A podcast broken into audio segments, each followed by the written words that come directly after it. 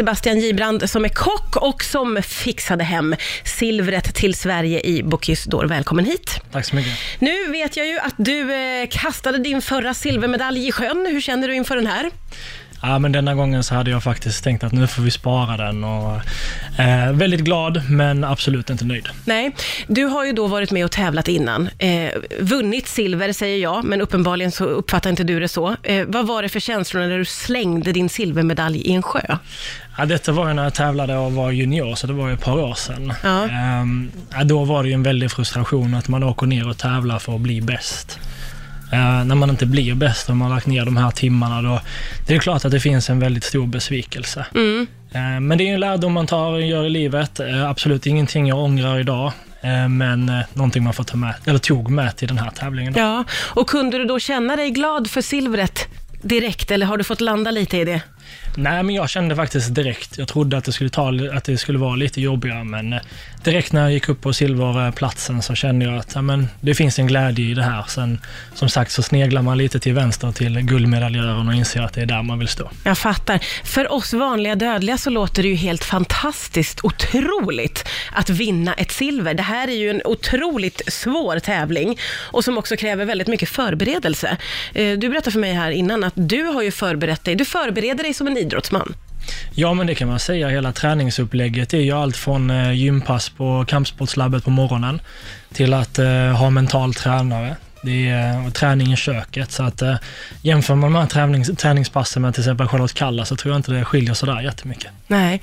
Eh, och, och hur är det att vara i den här? För det är en långvarig bubbla där du får gå in för det här. Det tar otroligt mycket tid och energi. Hur är det att vara i den här förberedelsen? Ja, men den har ju lite olika perioder. Det är ju först och främst är det ju den här skapande processen som man har i början. Mm. Eh, och sen går man in i genomförandet när det börjar närma sig tävling. Eh, båda två har ju sin charm, men eh, man får ju försöka charma av sig lite, ta lite avkall på saker i livet som man eh, umgås med vänner, att man verkligen får prioritera de dagar man träffar, men också att träningen kanske oftast går i, i första hand. Är det värt det?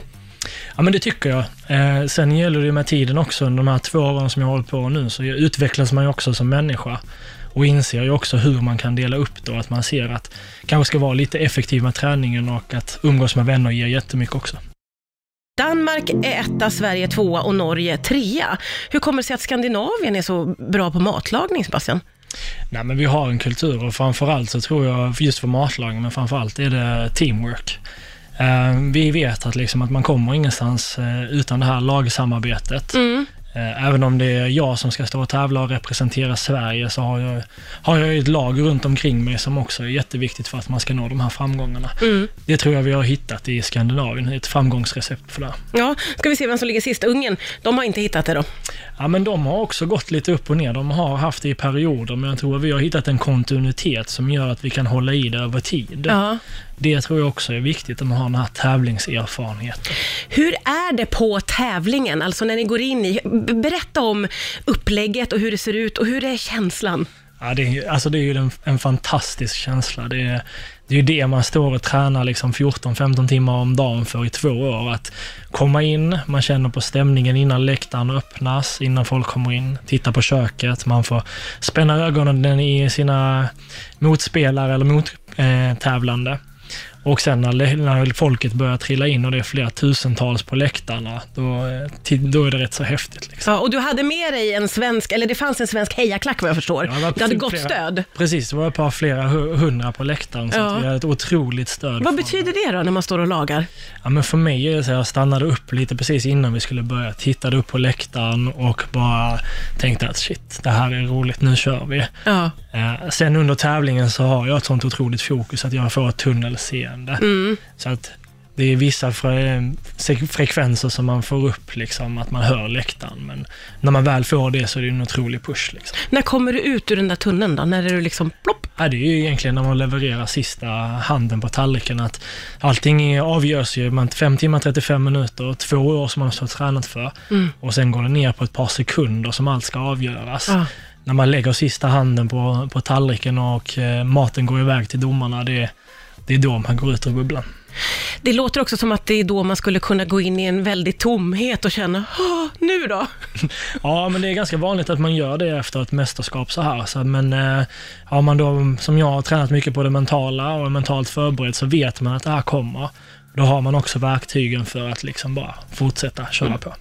Lite råa frågor, Ja, det är råa eh, ingredienser. Varsågod och ta en lapp. Ja, det är ju mer nervöst det här än att tävla i VM i. Får du läsa vad det står på den lilla lappen?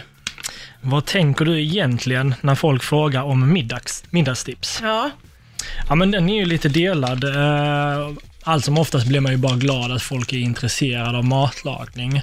det är så. Eh, Ja, men absolut. Tycker inte det är jobbigt eller lite sådär, Nej, men det är som man sitter på, till exempel om man varit på någon fest eller någon middag, då, då går de runt och frågar, vad jobbar du med? "Jag är Asfaltsanläggare. Hoppar de vidare till nästa, för det var inte så intressant.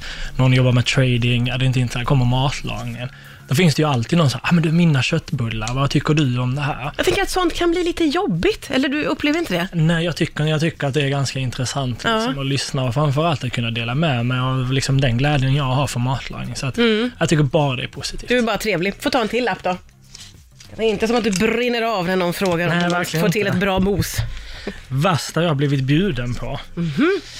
Eh, oj, ja, men det måste jag säga, det är någon gammal här 80-talsklassiker med kassler och ananas är nog den värsta.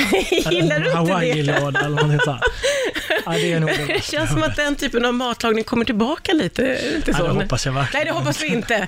Vad är det? Är det kassen eller är det ananasen? Eller Jag vad är det du inte... både kassler för sig och sen varm ananas Ja. och ändå en kombo av det här. Det blir liksom, ett, plus ett blir minus två. Liksom. Ja, okej. Ja, så där, där säger du nej.